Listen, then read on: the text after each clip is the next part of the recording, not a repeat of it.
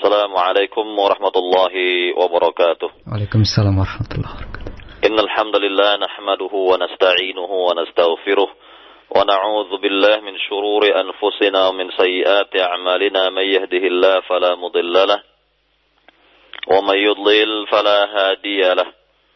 أشهد أن لا إله إلا الله وحده لا شريك له. وأشهد أن محمدا عبده ورسوله. يا أيها الذين آمنوا اتقوا الله حق تقاته ولا تموتن إلا وأنتم مسلمون.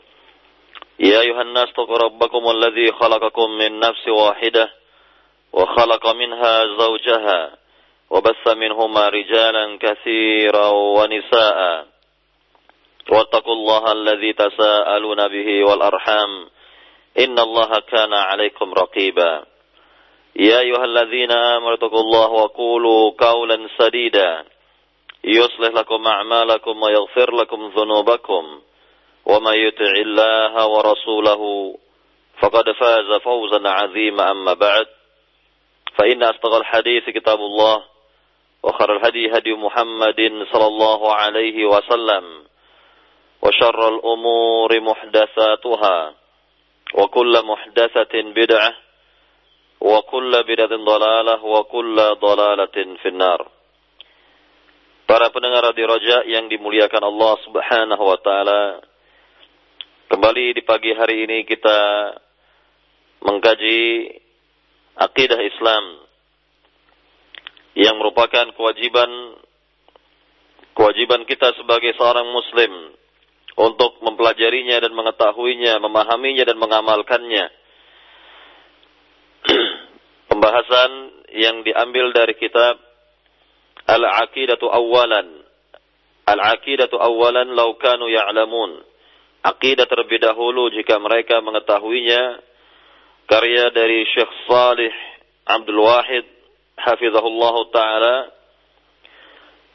yang telah kita terangkan pada pembahasan terdahulu adalah bahwa dengan mengkaji akidah Islam dengan benar, mengkaji akidah Islam yang benar, mengkaji akidah Islam yang lurus, maka akan mendapatkan kebahagiaan hidup baik di dunia maupun di akhirat. Kebahagiaan ini dalam kehidupan dunia dan akhirat. Maka pada pagi hari ini kita melanjutkan pembahasan akidah ini dan kita akan memberikan pertanyaan-pertanyaan seputar akidah. Para pendengar di Raja yang dimuliakan Allah Subhanahu wa taala. Pertanyaan yang pertama dari pembahasan kita di pagi hari ini adalah Min aina tu'khadul aqidah?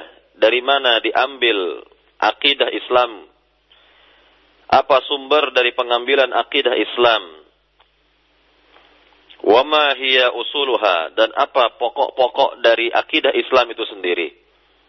Ada dua pertanyaan di sini yang diajukan kepada para pendengar. Yang pertama sekali lagi adalah dari mana kita mengambil akidah Islam atau apa sumber dari akidah Islam itu sendiri dan apa pembahasan atau pokok-pokok dari akidah Islam. Mari kita mendengar jawaban yang pertama atas pertanyaan yang pertama yakni sumber pengambilan akidah Islam. Di sini dikatakan oleh Syekh Salih Abdul Wahid beliau mengatakan tu'khadhu al-kitab wa sunnah hatta la nadilla kama qala ar-rasul sallallahu alaihi wasallam taraktu fikum syai'ain lan tadillu ba'dahuma taraktu fikum syai'ain lan tadillu ba'dahuma kitab Allah wa sunnati Kata Nabi yang mulia sallallahu alaihi wasallam dalam hadis yang mulia ini atau sebelumnya dikatakan oleh Syekh Wahid bahwa kita mengambil sumber akidah Islam itu dari Al-Qur'an dan sunnah Nabi. Dari Al-Qur'an dan hadis Rasul. Sehingga kita tidak tersesat sebagaimana Rasulullah sallallahu alaihi wasallam bersabda Kata Nabi dalam hadis yang sahih, aku tinggalkan bagi kalian dua pusaka yang tidak akan sesat untuk selama-lamanya. Kalian tidak akan sesat untuk selama-lamanya jika berpegang teguh dengan dua pusaka tersebut. Yang pertama adalah Al-Quran, Kitabullah, dan sunnati, yakni hadisku, sabdaku, yakni sunnahku, sunnah Rasul Sallallahu Alaihi Wasallam. Maka inilah jawaban berkenaan dengan sumber akidah Islam. Dua sumber ini adalah sumber pengambilan akidah Islam di mana kita memahami akidah mempelajari akidah Islam bersumberkan Al-Qur'an dan hadis Nabi yang mulia sallallahu alaihi wasallam. Kemudian tentu dari dua sumber ini tidak cukup kita mengambilnya begitu saja. Maka kita harus memahami sumber-sumber tersebut. Sumber dari pengambilan akidah Islam dengan pemahaman yang benar. Yakni pemahamannya para sahabat radhiyallahu taala anhum ajma'in. Pemahaman generasi pertama karena mereka lah yang pertama kali diajarkan oleh Rasulullah wasallam tentang akidah Islam. Mereka adalah orang-orang yang pertama mendapatkan pengajaran bimbingan langsung, arahan langsung dari Nabi yang mulia sallallahu alaihi wasallam tentang akidah, tentang ibadah, muamalah dan lain sebagainya. Maka wajarlah mereka orang yang pertama kali memahami agama ini orang-orang yang pertama kali benar pemahamannya, lurus akidahnya, benar ibadahnya, lurus muamalahnya, itu para sahabat radhiyallahu taala anhum ajma'in. Tentu kita wajib mengikuti pemahamannya para sahabat di dalam memahami akidah Islam dan juga materi-materi agama lainnya berdasarkan dalil-dalil baik dari Al-Quran maupun hadis Nabi yang menjelaskannya. Sebagai contoh, Allah Subhanahu wa taala berfirman tentang kewajiban mengikuti pemahaman para sahabat di dalam memahami masalah akidah dan juga yang lainnya. Allah berfirman dalam surat At-Taubah ayat 100. Was-sabiquna al-awwalun من المهاجرين والأنصار والذين اتبعوهم بإحسان رضي الله عنهم ورضوا عنه وعد لهم جنات تجري تحتها الأنهار خالدين فيها أبدا ذلك الفوز العظيم ya artinya dan orang-orang yang pertama kali masuk agama Islam dari kalangan muhajirin dan ansar dan orang-orang yang mengikuti jejak mereka dengan baik. Allah ridha kepada mereka dan mereka pun ridha kepada Allah. Allah siapkan bagi mereka kebun-kebun atau surga-surga yang mengalir di bawahnya sungai-sungai. Mereka kekal di dalamnya untuk selamanya. Itulah kemenangan yang besar. Nah inilah ayat yang menegaskan, menjelaskan kepada kita tentang kewajiban mengikuti pemahamannya para sahabat.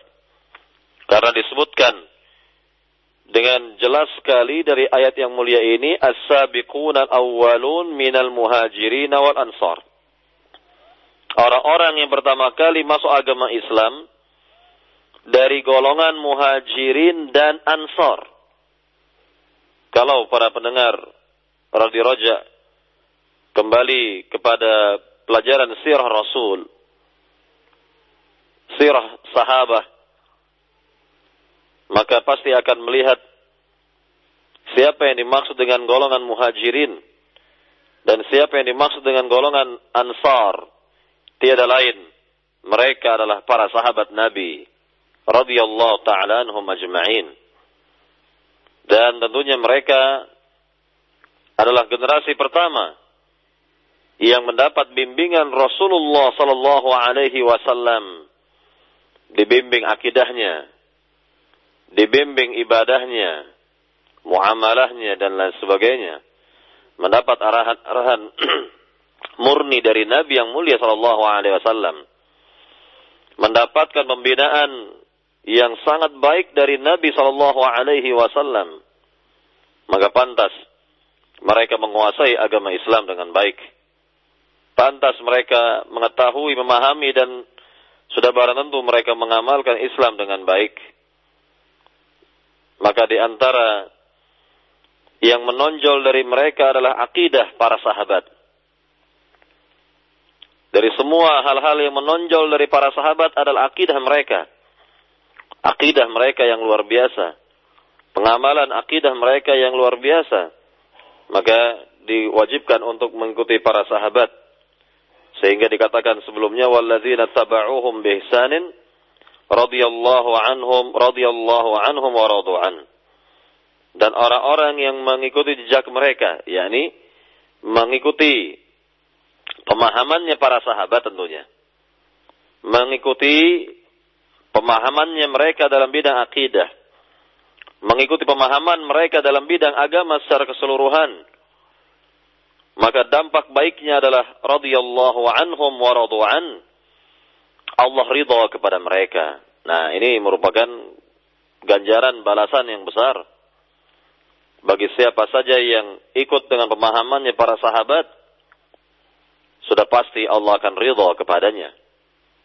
Barang siapa mengikuti pemahaman akidahnya para sahabat memahami akidah Islam sebagaimana pemahaman sebagaimana eh, yakni akidahnya para sahabat maka Allah ridha kepadanya. Inilah yang dimaksud dari ayat yang mulia tadi. Radhiyallahu anhum wa radu'an. Allah ridha kepada mereka dan mereka pun ridha kepada Allah Subhanahu wa taala. Kemudian ganjaran yang berikutnya lagi Allah katakan wa'adda jannatin. Allah siapkan bagi mereka surga-surga tajri tahtal anhar yang mengalir di bawahnya sungai-sungai khalidina fiha abada. Mereka kekal di dalamnya untuk selama-lamanya. Zalikal fawzul azim. Ini penutup dari ayat yang mulia. Allah nyatakan, Allah tegaskan, itulah kemenangan yang besar. Para pendengar di raja yang dimuliakan Allah subhanahu wa ta'ala, tidak ada jalan lain di dalam memahami akidah Islam kecuali dengan pemahamannya para sahabat. Maka jangan kita memahami akidah Islam dengan pemahaman-pemahaman yang lain. Sebab kita lihat di negeri kita ini banyak pemahaman-pemahaman yang rusak. Pemahaman-pemahaman yang menyimpang dari pemahamannya para sahabat. Jangan memahami akidah Islam dengan pemahamannya kaum sufi. Jangan memahami akidah Islam dengan pemahamannya kaum rasionalis. Jangan memahami akidah Islam dengan pemahaman orang-orang lainnya yang tidak jelas. Kembalilah kepada pemahaman para sahabat. Di dalam memahami akidah Islam, niscaya kita akan selamat dunia dan akhirat. Para jamaah yang dimuliakan Allah Subhanahu wa taala. Dalil yang kedua yang menjelaskan, menegaskan, menerangkan bahwa kita wajib mengikuti pemahamannya para sahabat.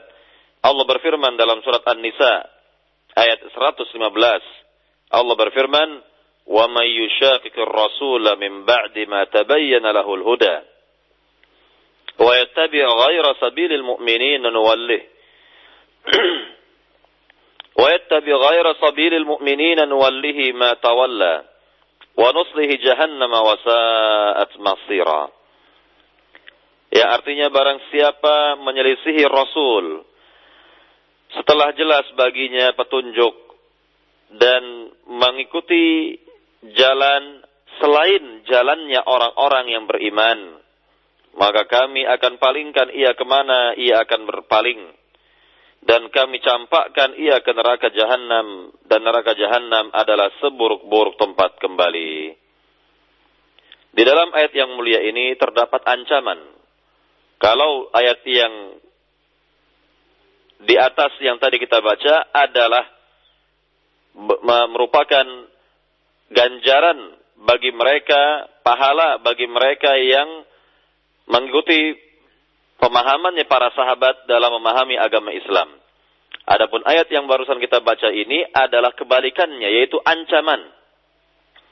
Ancaman kepada siapa saja yang tidak mengikuti jejaknya atau jalannya atau pemahamannya para sahabat.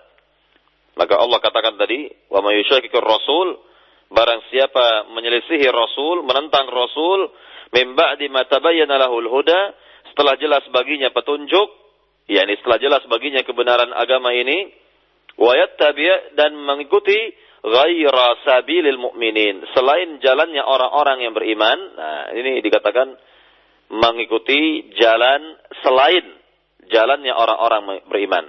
Artinya tidak mengikuti jalannya para sahabat. Karena yang dimaksud orang yang beriman ketika ayat ini turun hanyalah para sahabat. Tidak ada yang lain. Ketika ayat ini turun, yang disebut orang-orang yang beriman hanyalah para sahabat. Tidak ada yang lain. Mereka lah orang-orang yang langsung menyaksikan wahyu diturunkan kepada Nabi Shallallahu Alaihi Wasallam mendengar langsung wahyu pertama kali dari lisan Nabi yang mulia sallallahu alaihi wasallam. Mendengar ayat ini langsung dari lisan Nabi yang mulia sallallahu alaihi wasallam, maka tentunya orang-orang yang beriman hanyalah para sahabat. Di saat ayat itu turun. Maka ini yang dimaksud. Ghaira wa yattabi ghaira mu'minin. Dan mengikuti jalan selain jalannya orang-orang yang beriman. Yakni jalannya para sahabat. Mengikuti pemahaman selain pemahamannya para sahabat, maka ancaman dari Rabbul Alamin yang sangat keras adalah nuwallihi ma tawalla. Kami, kata Allah, akan palingkan ke mana ia akan berpaling. Kemudian ancaman berikutnya lagi yang lebih dahsyat, wa nuslihi jahannam. Kami campakkan ia ke neraka jahannam. Ke neraka jahannam, na'udzubillah. Nas'alullah salamata wal afiyah. Kemudian Allah tutup ayat ini dengan penjelasan wasaat masira dan neraka jahanam adalah seburuk-buruk tempat kembali. Para pendengar di roja yang dimuliakan Allah Subhanahu wa taala. Ayat yang mulia ini sekali lagi mengandung ancaman berat, ancaman keras kepada siapa saja yang tidak mengikuti pemahamannya para sahabat di dalam memahami agama Islam. Tentunya mereka akan disengsarakan oleh Rabbul Alamin. Dibinasakan oleh Allah Subhanahu wa taala. Dan tentunya akhir perjalanan mereka kelak di negeri akhirat akan menemukan kesengsaraan yang sebenar-benarnya dicampakkan ke dalam neraka disiksa oleh Allah Subhanahu wa taala karena tidak mengikuti pemahamannya para sahabat yang jelas-jelas pemahamannya para sahabat adalah pemahaman yang benar pemahaman yang lurus dan yang telah dipuji oleh Allah dan Rasulnya para jemaah yang dimuliakan Allah Subhanahu wa taala kita dengarkan sekarang dalil yang ketiga dari hadis Nabi yang mulia sallallahu alaihi wasallam yang mewajibkan kita untuk berpegang teguh dengan pemahamannya para sahabat di dalam memahami akidah Islam. Rasulullah Shallallahu Alaihi Wasallam bersabda dalam hadis yang sahih dalam riwayat Imam Abu Abu Daud, Tirmidzi dan yang lainnya, kata Nabi yang mulia, "Innahu من يعش منكم بعدي فسيرى اختلافا كثيرا فعليكم بسنتي وسنة الخلفاء الراشدين المهديين من بعدي عضوا عليها بالنواجذ kata Nabi yang mulia sungguhnya barang siapa di antara kalian hidup setelah diriku yakni setelah diriku wafat maka akan melihat ber, akan melihat perselisihan yang banyak sekali maka hendaknya kalian wajib berpegang teguh dengan sunnahku. yakni jalanku dalam beragama ini, pemahamanku dalam beragama ini. Dan sunnahnya para khulafa'ur rasyidin. Di mana mereka mendapat petunjuk setelah aku. Gigitlah sunnah itu dengan gigi geraham. Nah, besar ya. Kita dapati tentang perintah langsung dari Nabi sallallahu alaihi wasallam agar kita berpegang teguh dengan jalannya Rasulullah, pemahamannya Rasul dan pemahamannya para sahabat. Di sini lebih-lebih dikhususkan para sahabat di sini adalah khulafaur rasyidin karena mereka adalah sebagai contoh. Disebutkan khulafaur rasyidin dan tidak disebutkan semua para sahabat dalam hal ini lantaran uh, khulafaur rasyidin Abu Bakar, Umar, Uthman dan Ali radhiyallahu taala anhum ajma'in. Mereka adalah sebagai contoh bagi umat ini. Dan mereka sudah mewakili yakni para sahabat lainnya. Tentunya dengan demikian kita wajib berpegang teguh dengan pemahamannya para sahabat di dalam memahami akidah memahami agama Islam ini secara umum para jamaah yang dimuliakan Allah Subhanahu wa taala Nabi telah memberikan keterangan bahwa setelah aku wafat nanti akan ada ikhtilafan kathira. Perselisihan yang banyak. Perbedaan yang banyak. yakni perbedaan-perbedaan yang jelas-jelas. Yakni tidak dapat digabungkan. Perbedaan dan perselisihan yang tidak dapat dibenarkan yang tentunya perbedaan-perbedaan tersebut mengarah kepada perpecahan umat ini. Kalau dikatakan perbedaan pendapat dalam bidang fikih misalnya, maka ini sudah terjadi di zaman Rasulullah, di zaman para sahabatnya. Di zaman Rasulullah masih hidup, di antara sahabat berbeda pandangan dalam bidang fikih dan ini wajar. Namun yang dimaksud dengan perselisihan yang banyak kata Nabi setelah beliau wafat nanti adalah perselisihan yang mengarah kepada furqah, perpecahan umat. Maka Rasulullah SAW menegaskan bahwa kelak umat Islam ini akan terpecah belah menjadi 73 golongan. Di dalam dalil yang berikutnya Nabi jelaskan tentang iftirakul ummah. Perpecahan umat Islam di mana Nabi yang mulia sallallahu alaihi wasallam bersabda, "Sataftariku ummati ala 73 firqa kulluhum fin nar." Kulluha fin nar illa wahidah. Qalu ma hiya ya Rasulullah? Qala allati takunu ala ma ana alaihi wa ashabi. Kata Nabi yang mulia sallallahu alaihi wasallam dalam hadis yang mulia ini, bahwa kelak umatku akan terpecah belah menjadi 73 golongan. 72 golongan kata Nabi mampir terlebih dahulu ke neraka. Dan satu yang selamat kata Nabi. Satu golongan yang selamat kata Rasul sallallahu alaihi wasallam yang tidak mampir terlebih dahulu ke neraka.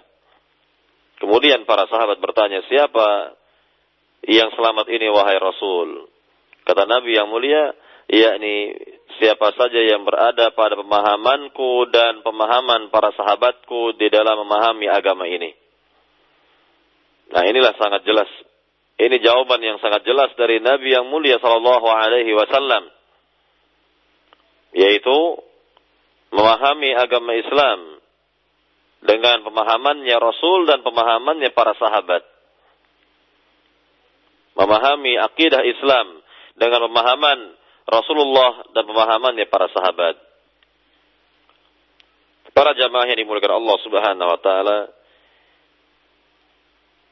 Ini sebagai jawaban dari pertanyaan yang pertama, min aina tu'khadul aqidah? Dari manakah akidah itu diambil? Apa sumber dari akidah Islam? Maka sudah kita jawab tadi bahwa sumbernya adalah tidak lain adalah Al-Quran dan hadis Nabi yang mulia Sallallahu Alaihi Wasallam tentu dengan pemahaman yang benar, pemahamannya para sahabat Nabi yang tadi telah kita jelaskan, yakni kewajiban berpegang teguh dengan pemahamannya para sahabat Nabi melalui ayat-ayat Al-Quran dan hadis-hadis Nabi yang mulia Sallallahu Alaihi Wasallam. Para pendengar radio Raja yang dimuliakan Allah Subhanahu wa taala, sekarang kita dengarkan jawaban yang kedua atas pertanyaan yang kedua. Wa ma hiya usuluha? Apa pokok-pokok dari akidah Islam itu sendiri? apa materi yang pokok, yang dasar dari akidah Islam? Sebagai jawabannya, Syekh Saleh Abdul Wahid mengatakan di sini, Al-aqidatu sahihah taqumu ala usul sittah. وهي الإيمان بالله وملائكته وكتبه ورسل اليوم الآخر والقدر خير وشره وهذه الأصول أخذناها من كتاب ربنا ومن سنة نبينا صلى الله عليه وسلم Beliau mengatakan bahwa akidah Islam yang sahih itu berdiri di atas enam pokok atau enam dasar. Akidah Islam yang sahih berdiri di atas enam ya pondasi. Yang pertama adalah beriman kepada Allah. Yang kedua beriman kepada para malaikatnya. Yang ketiga beriman kepada kitab-kitabnya yang keempat beriman kepada rasul-rasulnya. Yang kelima beriman kepada hari akhirat. Dan yang keenam beriman kepada qadar dan qadar baik dan buruknya. Nah inilah kata beliau yang kami ambil dari Al-Quran dan sunnah Nabi Sallallahu Alaihi Wasallam. Para pendengar di rojak yang dimuliakan Allah Subhanahu Wa Taala berarti pokok dari akidah Islam itu adalah rukun iman yang enam. Tidak lain dari rukun iman yang enam yang telah kita hafal. Dalilnya bahkan dari hadis Jibril misalnya, ketika Nabi Shallallahu Alaihi Wasallam ditanya oleh malaikat Jibril dalam riwayat Imam Muslim ini, "Fakhbirni anil iman." Kabarkanlah kepadaku apa itu iman. Ini pertanyaan malaikat Jibril kepada Nabi. Maka Nabi yang mulia sallallahu alaihi wasallam menjawab pertanyaan malaikat Jibril kata Nabi yang mulia al-imanu an tu'mina billahi wa malaikati wa kutubi wa rusuli wal yaumil akhir wa tu'mina bil qadari khairihi wa syarrih. Yani engkau beriman kepada Allah, malaikat-malaikatnya, kitab-kitabnya, rasul-rasulnya, hari akhirat dan beriman kepada qadar kepada takdir baik dan buruknya. Rawahu Muslim. Hadis riwayat Imam Muslim. Jadi tidak keluar dari enam rukun iman yang telah dijelaskan oleh Rasulullah, yang telah disebutkan oleh Rasulullah sallallahu alaihi wasallam dalam hadisnya ini. Adapun ayat-ayat yang menjelaskan tentang yakni isi dari rukun iman di antaranya terdapat dalam surat Al-Baqarah ayat 285 Allah Subhanahu wa taala berfirman Amana ar-rasul bima unzila ilaihi min rabbih wal mu'minun. Kullun amana billah wa malaikatihi wa kutubihi wa rusulihi. La nufarriqu baina ahadin min rusulihi وقالوا سمعنا وأطعنا غفرانك ربنا وإليك المصير ya artinya telah beriman Rasul dengan apa yang diturunkan kepadanya dari Rabbnya dan juga orang-orang yang beriman. yakni semuanya beriman kepada Allah dan malaikat-malaikatnya, kitab-kitabnya, rasul-rasulnya. Tidaklah kami membeda-bedakan di antara para rasul tersebut. Dan mereka berucap kami mendengar dan kami taat. Ya inilah berkenaan dengan ayat yang mulia yang menjelaskan tentang isi sebahagian dari rukun-rukun iman yang keseluruhannya tadi telah disebutkan dalam hadis Jibril. Dalam hadis Jibril atau kita lihat lagi dari ayat yang mulia yang berisikan tentang rukun-rukun iman ini dalam surat An-Nisa ayat 136. Dalam surat An-Nisa ayat 136 Allah berfirman, "Ya ayyuhalladzina amanu aminu billahi wa rasulihi wal kitabil ladzi nazzala ala rasulihi wal kitabil ladzi anzala min qabl." ومن يكفر بالله وملائكته وكتبه ورسله واليوم الآخر فقد ضل ضلالا بعيدا Yang artinya wahai orang-orang yang beriman, berimanlah kalian kepada Allah dan Rasulnya dan kitab yang telah diturunkan kepada Rasulnya dan kitab yang telah diturunkan sebelumnya. Barang siapa kufur kepada Allah, kepada malaikat-malaikatnya, kepada kitab-kitabnya, kepada Rasul-Rasulnya, kepada hari akhirat, maka ia telah sesat sejauh-jauh kesesatan. Para jamaah yang dimuliakan Allah Subhanahu wa taala, para pendengar radio Roja yang dimuliakan Allah Subhanahu wa taala, inilah dalil-dalil yang menjelaskan tentang rukun-rukun iman yang selengkapnya tadi telah dijelaskan dalam atau telah disebutkan oleh Rasulullah SAW dalam hadis Jibril. Dalam hadis Jibril, riwayat Imam Muslim, maka inilah yang dimaksud dari usul sittah, pokok-pokok yang enam, yang merupakan landasan dalam akidah Islam, yang menjadi pondasi atau landasan dalam akidah Islam.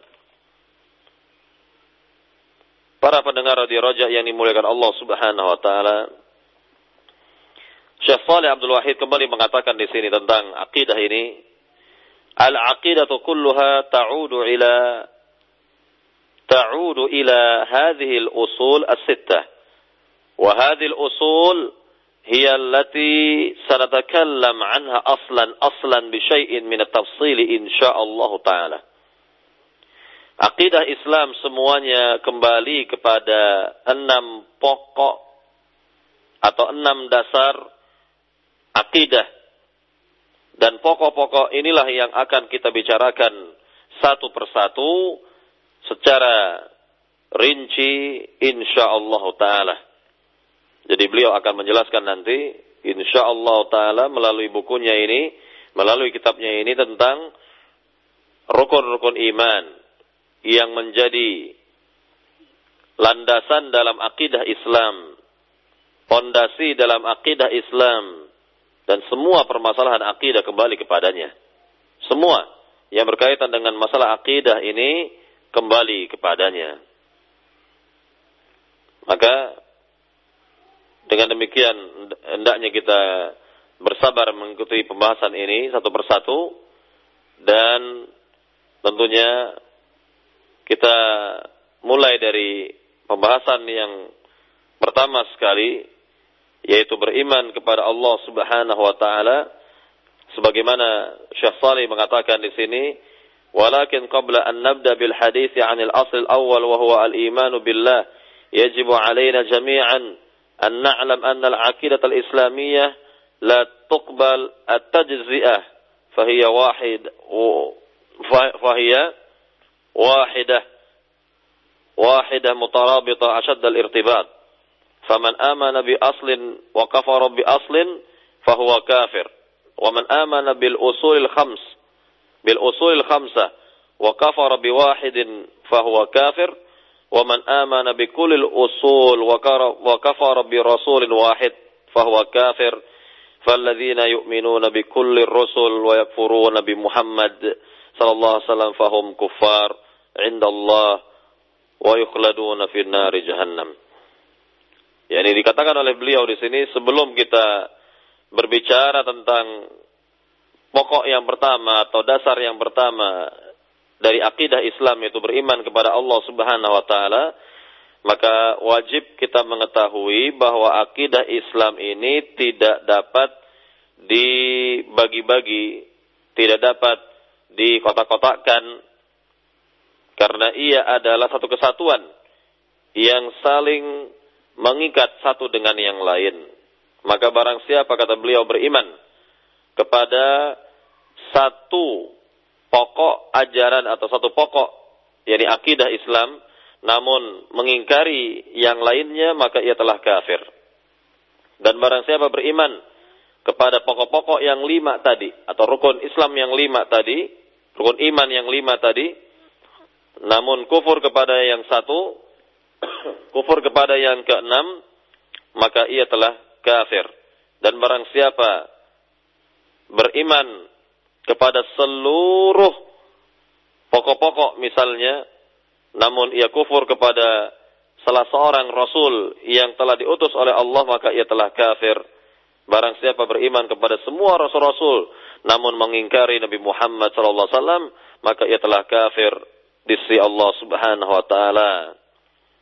Maka inilah yang beliau ingin jelaskan pertama kali sebelum uh, yakni keterangan berkenaan dengan uh, rukun yang pertama dari rukun-rukun iman yang menjadi landasan utama dari akidah Islam, beliau ingin menegaskan bahwa semua rukun iman, semua masalah akidah itu haruslah diimani. Haruslah diterima, tidak boleh dikotak-kotakkan. Tidak boleh, yakni sebahagian diterima, sebagian lain ditolak. Maka semua yang merupakan akidah Islam, merupakan keyakinan dasar dalam agama ini semuanya harus diimani, semuanya haruslah diterima, tidak boleh diabaikan. Tidak boleh ditolak. Maka dalam hal ini Allah Subhanahu wa taala berfirman dalam ayat yang mulia dalam surat An-Nisa ayat 150 sampai 151 dalam surat An-Nisa ayat 150 sampai 151 Allah Subhanahu wa taala berfirman innal ladzina yakfuruna billahi wa rusulihi wa yuriduna yufarriqu baina Allahi wa rusulihi wa yaquluna nu'minu bi ba'd wa nakfuru bi ba'd baina dhalika sabila ulaika humul kafiruna haqqan wa a'tadna lil kafirina 'adzaban muhina Sungguhnya orang-orang yang kufur kepada Allah dan Rasul-Rasulnya dan mereka menginginkan untuk memisahkan antara Allah dengan dan Rasul-Rasulnya dan mereka berucap kami beriman kepada sebagian dan kufur kepada sebagian maka tidaklah mereka menginginkan kecuali jalan yang demikian mereka adalah orang-orang yang kufur sebenarnya dan kami siapkan bagi orang-orang yang kafir itu azab yang sangat hina. Nah, ini ancaman dari Rabbul Alamin, ancaman dari Allah kalau ya uh, ancaman dari Allah terhadap mereka-mereka yang menerima sebagian menolak sebagian yang lain ya sama halnya dengan menerima akidah Islam sebagiannya dan menolak akidah Islam yang lainnya. Nah, inilah ya yang dikatakan oleh Rabbul Alamin Ulaika ulaika humul kafiruna haqqa. Mereka adalah orang-orang kafir yang sebenarnya wa atadna lil kafirina azaban muhina dan kami siapkan bagi orang-orang kafirin tersebut azab yang sangat ya hina. Para jamaah yang dimulakan Allah Subhanahu wa taala inilah yang berkenaan dengan ya yakni keimanan terhadap eh, pokok-pokok uh, yang enam tadi atau rukun-rukun iman yang enam semuanya harus diimani, semuanya harus diterima, tidak boleh diabaikan, ditolak. Kemudian kita melanjut kepada pertanyaan yang berikutnya.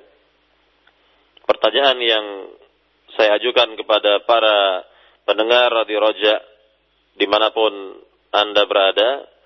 Pertanyaannya adalah, apakah atau apa hubungan antara akidah dengan iman? Atau apakah ada hubungan yang sangat erat antara akidah dengan iman? Tentu jawabannya adalah dikatakan oleh Syekh Saleh Abdul Wahid di sini, fal aqidatu hiya aslul iman. Akidah itu adalah pokok dari keimanan. Dasar dari keimanan. Maka bagi mereka yang memiliki akidah yang kuat, sudah pasti imannya pun kuat. Barang siapa akidahnya, barang siapa memiliki akidah yang rapuh, maka rapuh pula lah keimanannya. Tidak kuat imannya. Nah inilah yang kita lihat pada penjelasan di sini. Al-aqidatu hiya aslul iman. Akidah itu adalah pokok dari keimanan.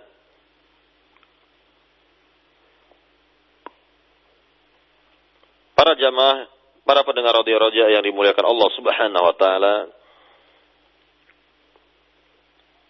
Kalau dikatakan tadi bahwa akidah adalah pokok dari keimanan, maka akidah yang sahih tentu berada pada hati seorang yang beriman kepada Allah Subhanahu wa taala menancap kuat di hati orang yang beriman tersebut. Kemudian akidah yang sahih yang sudah berada di hatinya akan menampakkan secara jelas dari amal-amal yang dilakukan oleh anggota tubuhnya dan juga akan keluar dari lisannya ucapan-ucapan yang baik misalnya. Maka dengan demikian inilah yang dikaitkan dengan masalah keimanan atau akidah yang dikaitkan dengan masalah iman bahwa akidah adalah dasar dari keimanan pokok dari keimanan yang mana akidah tersebut terpatri di hati orang yang beriman. Kemudian bisa dilihat dengan nyata dari lisannya dan bukti-bukti lainnya dari anggota tubuhnya, pengamalan dengan anggota tubuhnya. Nah, inilah yang kita lihat dari pengamalan akidah Islam yang menunjukkan keimanan seorang, keimanan yang baik. Para pendengar di roja yang dimuliakan Allah Subhanahu wa taala, apabila seorang yakni dengan ucapannya dan anggota tubuhnya mempraktekkan amalan-amalan Islam namun di hatinya berentangan di hatinya mengingkari apa yang telah diucapkannya, di hatinya mengingkari apa yang telah diperbuatnya, maka jelas inilah yang dikatakan sebagai orang munafik. Atau seorang meyakini suatu di hatinya, kemudian diamalkan dengan anggota tubuh namun didustakan dengan lisan. Didustakan dengan lisan, maka ada kekeliruan di sini. Ada kejanggalan di sini. Maka dengan demikian, hendaknya hati, lisan, dan anggota tubuh sama-sama sejalan di dalam mengamalkan akidah Islam. Di dalam mengamalkan akidah Islam. Para jamaah, para pendengar di roja yang dimuliakan Allah subhanahu wa ta'ala, berkenaan dengan iman itu sendiri bisa bertambah dan juga bisa berkurang. Bertambah dengan ketaatan kepada Allah Subhanahu wa taala dan berkurang dengan berbuat maksiat kepada Allah Subhanahu wa taala.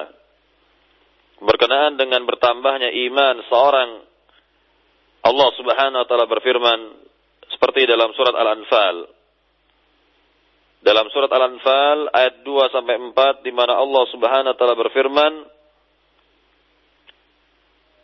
Innamal mu'minuna alladzina idza dzukirallahu wajilat qulubuhum wa idza tuliyat 'alaihim ayatuhu zadatuhum imana wa 'ala rabbihim yatawakkalun yuqimuna as-salata wa mimma razaqnahum yunfiqun ulaika humul mu'minuna haqqan lahum darajatun 'inda rabbihim wa maghfiratun wa rizqun karim Ya artinya sungguhnya orang-orang yang beriman itu adalah apabila disebutkan nama Allah maka bergetarlah hati mereka. Dan apabila dibacakan kepada mereka ayat-ayatnya maka bertambahlah keimanan mereka.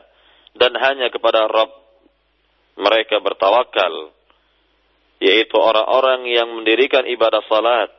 Dan menafkahkan, ya, menafkahkan apa yang kami rizkikan kepada mereka menginfakkan apa yang kami rizkikan kepada mereka.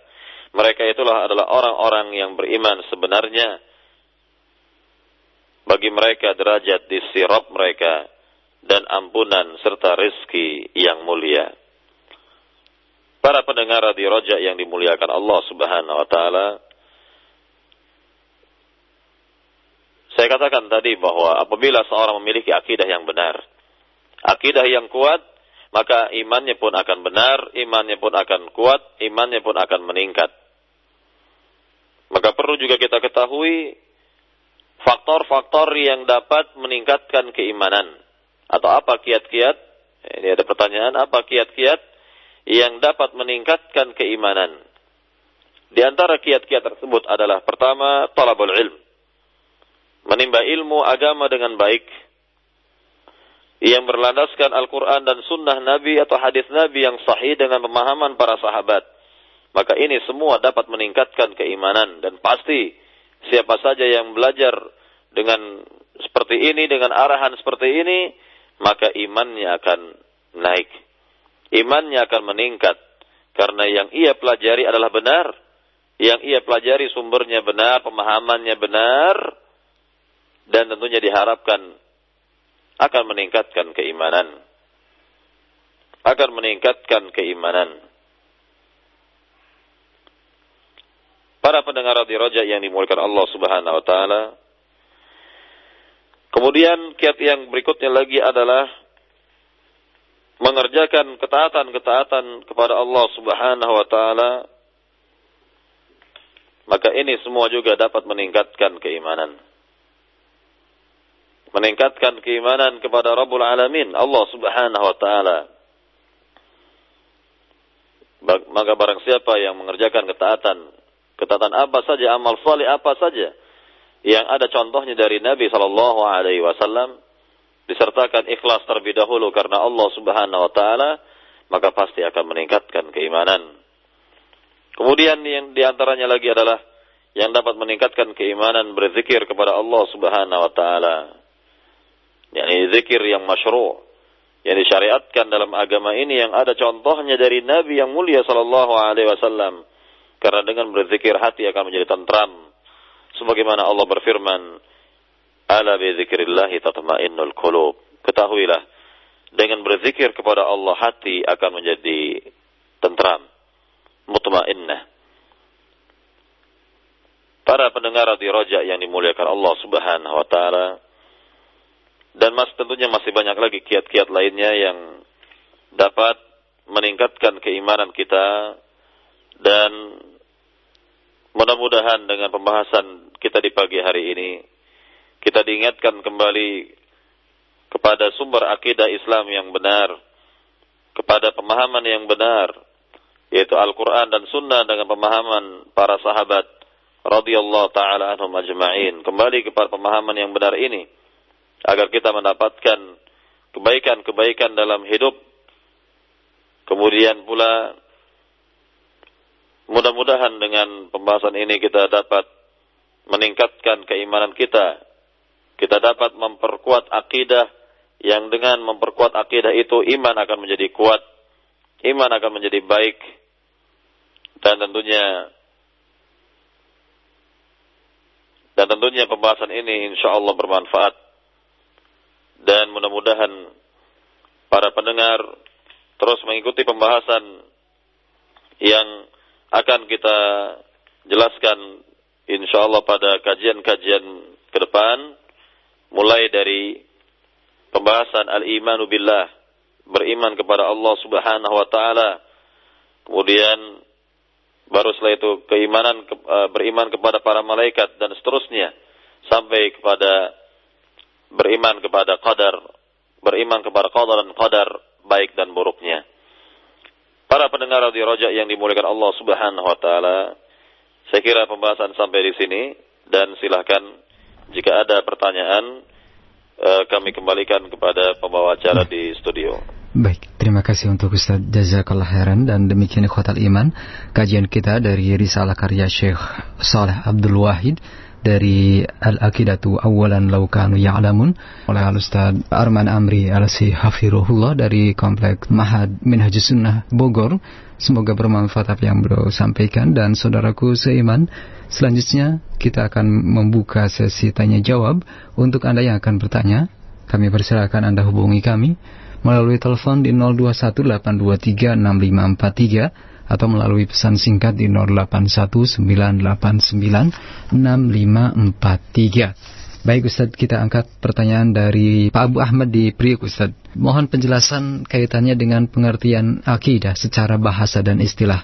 Apakah ada perbedaan dari eh, sisi pengertiannya? Mohon penjelasan Ustadz. Iya, makna akidah secara bahasa, secara lugatan atau etimologi diambil asal katanya dari aqada, yaitu ikatan. Sekali lagi diambil asal katanya dari aqada yang bermakna ikatan. Kemudian makna akidah dari sisi et, terminologi atau syarak atau istilahan adalah yakni suatu keyakinan yang terikat kuat di hati seorang mukmin ya seorang yang beriman dan tidak tergoyahkan dengan apa pun juga tidak dapat digoyahkan dan tidak dapat diragukan dengan apa pun juga. Jadi inilah yang berkenaan dengan akidah secara terminologi, satu keyakinan yang terpatri, yang terikat kuat di hati orang beriman, tidak tergoyahkan dan tidak dapat diragukan oleh apa pun juga. Ya, ini berkenaan dengan akidah. Ya, misalnya uh, orang yang beriman uh, sangat meyakini bahwa Allah Subhanahu wa taala fis sama misalnya di langit zatnya Allah Subhanahu wa taala di langit misalnya.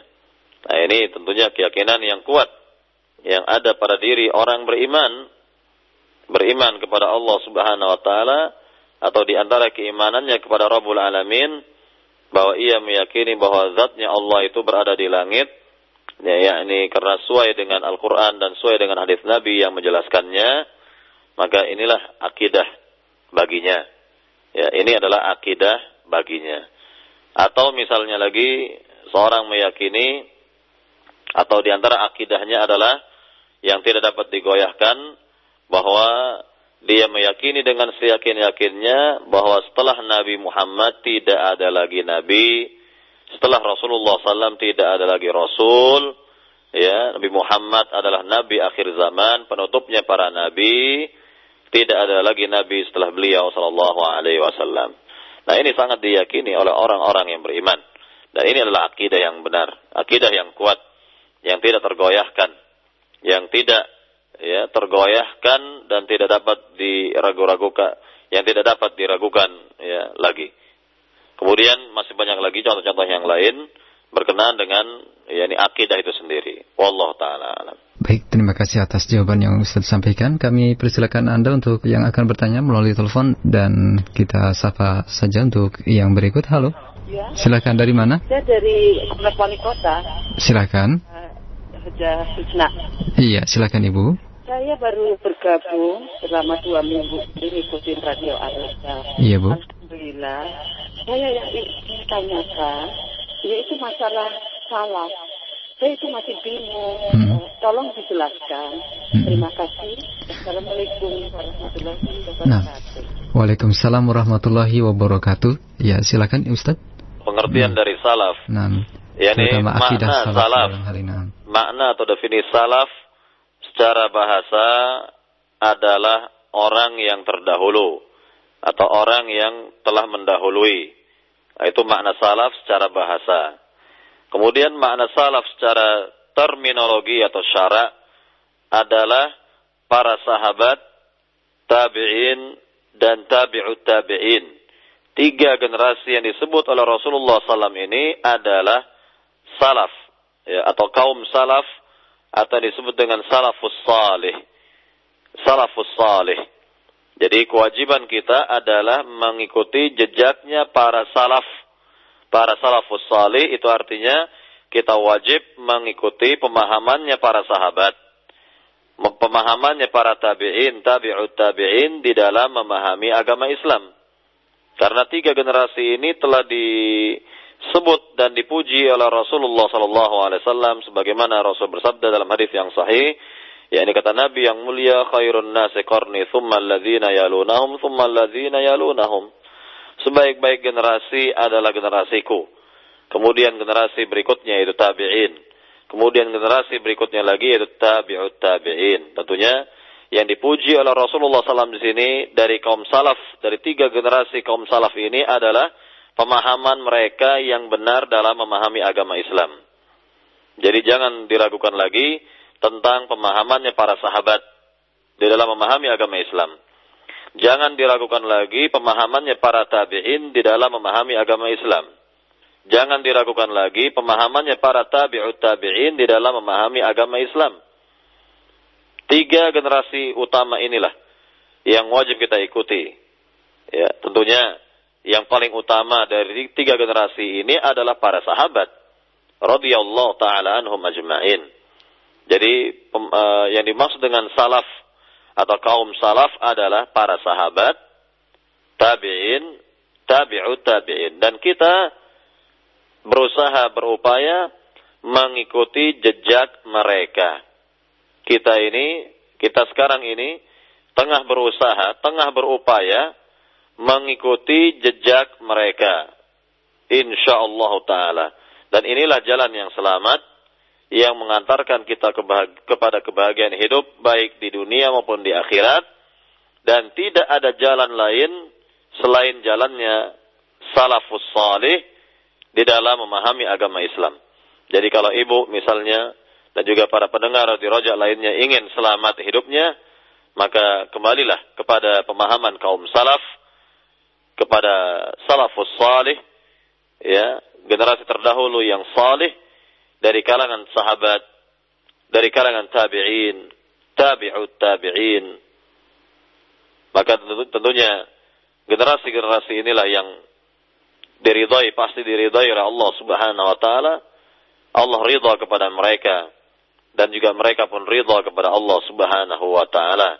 Dan inilah yang disebut tadi dalam uh, dalil yang telah kita sebutkan dalam surat At-Taubah ayat 100 tadi yakni dikatakan was-sabiquna al-awwaluna minal muhajirin wal ansar walladzina tabauhum bi ihsanin radhiyallahu anhum wa radu an. Dan orang-orang yang pertama kali masuk agama Islam dari kalangan muhajirin dan ansar yakni para sahabat maksudnya dan orang-orang yang mengikuti jejak mereka dengan baik. Tentunya siapa yang mengikuti jejaknya para sahabat. Tidak ada lagi kecuali para tabi'in. Dan siapa yang mengikuti jejaknya para tabi'in, maka tidak ada lagi kecuali tabi'ut tabi'in. Ya mereka lah yang mengikuti jejaknya para sahabat dengan baik sehingga Allah katakan radhiyallahu anhum. Allah ridha kepada mereka. Ini rekomendasi pujian dari Allah Subhanahu wa taala kepada generasi salaf. Ya, jadi sekali lagi ini yang kita maksud dari makna salaf. Kaum salaf adalah para sahabat sekali lagi. Tabi'in, tabi'ut tabi'in. Mengacu kepada tiga generasi utama ini. Tiga generasi e, baik dari umat Islam. Dan yang paling utama adalah generasi para sahabat. Karena mereka yang langsung mendapat arahan bimbingan didikan e, dari Rasulullah Sallallahu Alaihi Wasallam. Jadi kita wajib ya sekali lagi kita wajib berpegang teguh dengan pemahamannya kaum salaf yaitu para sahabat radhiyallahu taala anhum majma'in kemudian baru generasi berikutnya. Baik, silakan. Baik, terima kasih atas jawaban Ustaz. Kami angkat untuk yang ketiga dari penelpon di kesempatan pagi hari ini ada Saudara Irfan Bekasi, silakan. Assalamualaikum Ustaz. Waalaikumsalam warahmatullahi wabarakatuh. Ya, silakan ya, uh, perbedaan antara bermanhaj salaf dengan menisbatkan diri pada kata salaf itu sendiri. Nah. Yang pertama. Lalu yang kedua adalah bagaimana hukum ketika kita atau suatu kelompok berbuat rasa rasa diri itu yang paling baik atau benar gitu dalam kelompok itu sendiri dan seakan-akan apa agak sedikit memandang sebelah mata dengan kelompok lain. Gitu. Baik. Assalamualaikum. Waalaikumsalam warahmatullahi wabarakatuh. Silakan Ustaz. Iya, jadi pertama kewajiban kita mengikuti pemahamannya para salafus salih, pemahamannya para sahabat ini jelas wajib. Kemudian menisbatkan diri kepada mereka dalam kondisi seperti ini atau dalam keadaan-keadaan seperti kita sekarang ini di zaman kita sekarang ini, maka yakni diperkenankan bagi seorang untuk menisbatkan diri kepada mereka sehingga seorang mengatakan bahwa saya adalah salafi misalnya. Maka yang dimaksud ya, kalau seorang mengatakan saya adalah salafi berarti dia ingin membedakan diri bahwa dirinya bukanlah uh, sufi misalnya. Dirinya tidaklah mau ya, masuk dan berkecimpung dalam uh, kaum uh, rasionalis atau kaum mu'tazilah misalnya.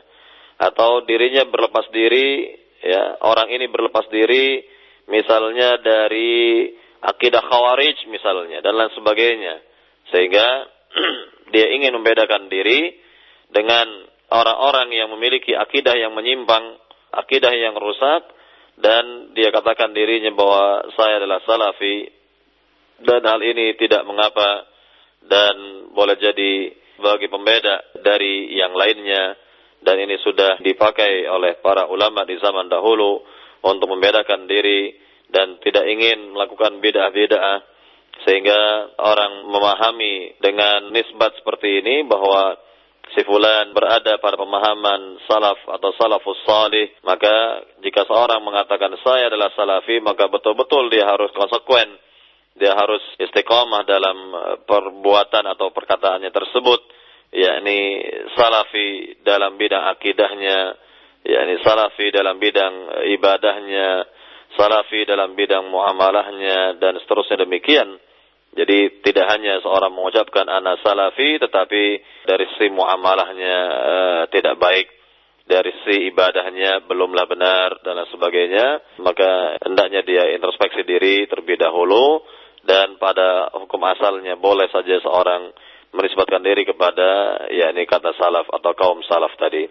Kemudian pertanyaan yang kedua tadi, nah, tentunya berkenaan dengan orang-orang lain yang belum memahami akidah salaf. Hendaknya kita memandang mereka dengan ainur rahmah, pandangan kasih sayang sebenarnya.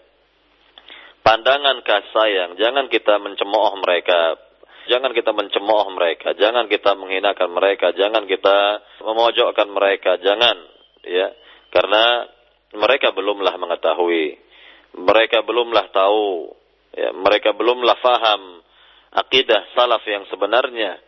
Maka ainur rahmah ini ini pandangan kasih sayang inilah yakni yang harus ada pada diri kita lebih-lebih bagi tentunya juru dakwah yang berdakwah dalam kehidupannya ini yakni memposisikan dirinya bagaikan dokter menghadapi pasiennya Tentu seorang dokter ketika menghadapi pasiennya tentunya dia dengan pandangan yang baik, penuh kasih sayang kepada pasiennya dan berharap agar pasiennya ini sembuh dari penyakitnya, keluar dari penyakitnya, ya selamat dari apa yang dideritanya ini. Nah, inilah sebenarnya yang uh, harus uh, ada pada mereka-mereka yang menisbatkan diri kepada akidah salaf di zaman sekarang ini. Dan kita yakin bahwa kebanyakan kaum muslimin yang masih berbuat bid'ah itu adalah karena kejahilan mereka. Mereka belum tahu, mereka belum faham. Kalaulah kita memberitahukan kepada mereka dengan cara yang baik, cara yang benar, cara yang bijak, mudah-mudahan mereka dapat menerima dakwah kita, dakwah yang benar ini. Dan tentunya ya ini adalah tugas kita bersama untuk menerangkan, menyebarkan kepada mereka agama Islam yang sebenarnya. Ya, karena yang mereka dapat selama ini adalah seperti itu. Ya, jadi tidak ada uh, perkembangan sama sekali, tidak ada uh, keilmiahannya sama sekali dan lain sebagainya. Nah, inilah yang perlu kita sikapi dengan baik agar kita uh, benar berada di tengah-tengah masyarakat dan juga diterima dakwah ini dengan baik Kemudian juga agar mereka faham bahwa Islam itu adalah Islam, ah, Islam itu adalah baik, indah, eh, benar dan mudah untuk difahami, mudah untuk dipelajari, mudah pula untuk diamalkan. Jadi sekali lagi tidak boleh kita eh, yakni memandang e, sebelah mata misalnya, memandang seperti itu kepada kaum muslimin, mereka jelas umat Islam, mereka adalah saudara kita juga maka hendaknya kita dekati mereka dengan pendekatan yang baik, cara-cara yang baik, cara-cara yang hikmah, yang bijaksana. Semoga hati mereka uh, yakni tersentuh dengan dakwah yang baik ini dan akhirnya mereka menjadi penolong dari dakwah ini, membela dakwah ini dan mudah-mudahan Allah uh, rahmati kita semua.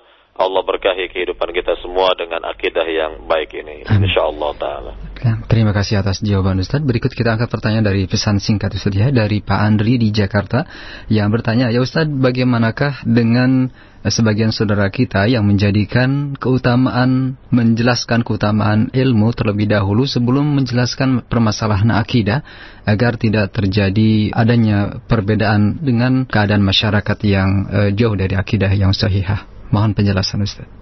Iya, ini pembahasan yang penting ya. Ini menjelaskan ilmu dan keutamaannya serta keutamaan ahli ilmu ini pembahasan yang penting yang perlu juga disampaikan kepada masyarakat agar mereka faham tentang kedudukan ilmu, kedudukan ahli ilmu, dan mereka antusias dalam mempelajari ilmu ini, mencarinya, dan semakin bersemangat di dalam belajar ilmu agama. Nah, jadi memang ini masalah yang penting dan perlu disampaikan kepada masyarakat agar mereka tergugah, semangatnya tergugah kembali, semangat mereka untuk belajar agama ini dengan baik dan tentunya agar niat mereka itu benar, lurus karena Allah Subhanahu wa taala dan ini disampaikan di awal-awal pertemuan misalnya disampaikan kepada mereka pentingnya ilmu dan ahli ilmu atau kedudukan yang tinggi dari ilmu dan ahlinya keutamaan ya ilmu dan ahlinya. Ini perlu disampaikan kepada mereka agar mereka sekali lagi eh, termotivasi ya termotivasi untuk mempelajari agama dengan baik mempelajari Islam dengan benar dari sumber yang yang benar. Dan ini yang diingatkan oleh para ulama sejak dahulu sampai sekarang senantiasa mereka mengingatkan kepada para jamaah tentang uh, adab-adab dalam belajar misalnya adab-adab menimba ilmu agama dan lain sebagainya agar mereka faham bahwa datang ke majelis ilmu atau mendengarkan pembahasan ilmiah itu benar-benar dengan seksama ya dengan e, perhatian yang baik yang besar dan tidak sia-sia di dalam kehadiran di majelis ilmu atau mendengarkan pembahasan ilmiah. Wallahu taala alam. Nah, baik. Terima kasih untuk Ustadz. Dan satu pertanyaan terakhir tampaknya Ustadz ya.